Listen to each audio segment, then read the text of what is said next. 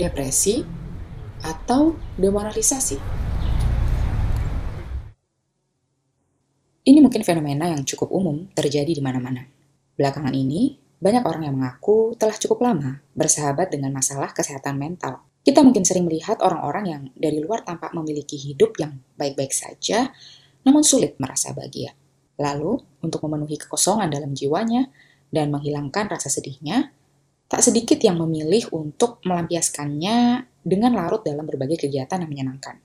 Mulai dari mengkonsumsi berbagai jenis hiburan populer, mencerna produk-produk filsafat dan psikologi populer, mendalami seni, yoga, atau memutuskan untuk traveling dalam jangka panjang. Dalam beberapa kasus, orang-orang lingkungan ini untuk memenuhi kebutuhan spiritualnya. Karena kegiatan ini bisa menyembuhkan diri mereka, atau kegiatan yang saat ini sering disebut sebagai self-healing. Namun berbagai kegiatan yang menyenangkan hati ini sebenarnya tidak benar-benar bisa memberikan penyembuhan. Kesenangan-kesenangan semacam ini hanyalah bersifat sementara. Muslim pun banyak yang tidak lepas dari perangkap depresi non-klinis semacam ini, dan menghabiskan waktunya terperangkap dalam kegiatan healing yang tidak ada habisnya, dan bahkan justru menambah kehampaan yang mereka rasakan. Alih-alih memahaminya sebagai sebuah depresi, yang kami lihat, fenomena depresi non-klinis yang makin marak terjadi di kalangan muslim ini adalah fenomena demoralisasi.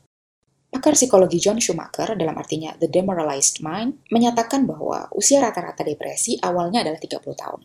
Namun, saat ini, depresi telah meningkat berlipat ganda setiap generasinya, terutama di kalangan masyarakat industri barat, sehingga depresi sudah menyebar pula di rentang usia 14 tahun ke atas.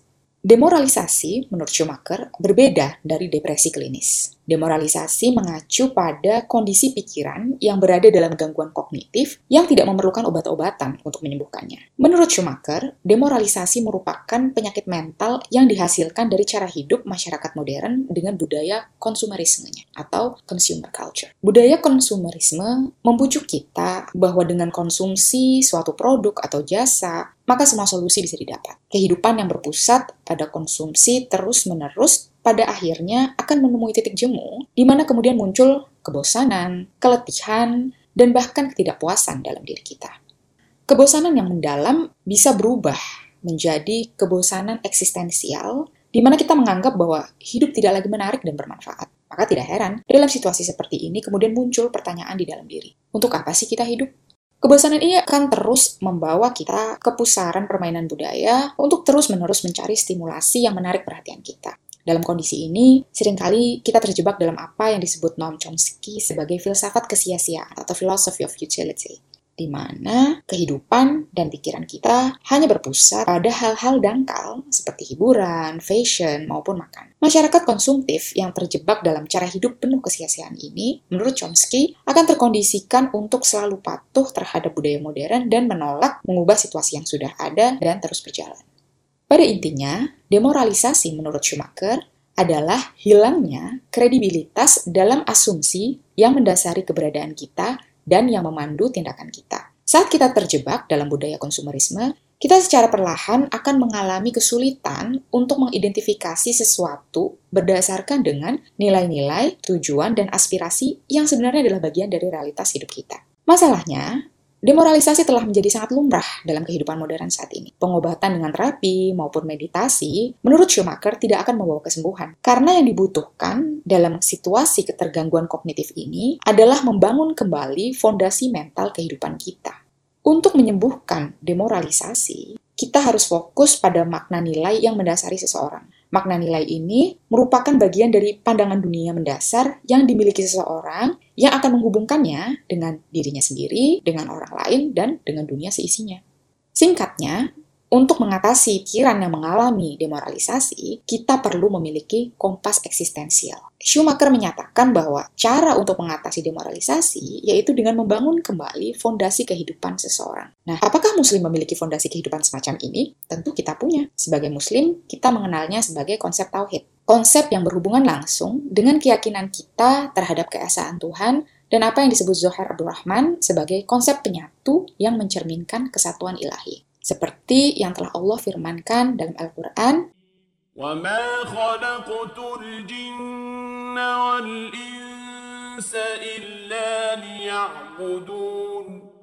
Aku tidak menciptakan jin dan manusia, melainkan agar mereka beribadah kepadaku saja. Ayat ini sebenarnya adalah dasar utama dari alasan keberadaan kita. Aspek tauhid yang menekankan ibadah sebagai realisasi tujuan penciptaan kita sebagai manusia. Sebenarnya, fitrah atau sifat dasar manusia adalah selalu menginginkan kesempurnaan karena kita menyadari ketidaksempurnaan diri kita. Namun, hanya Allah lah yang sempurna dan hasrat kita akan kesempurnaan hanya bisa dipenuhi lewat ketaatan kepada Allah, yaitu dengan menyembahnya dari segala sisi kehidupan.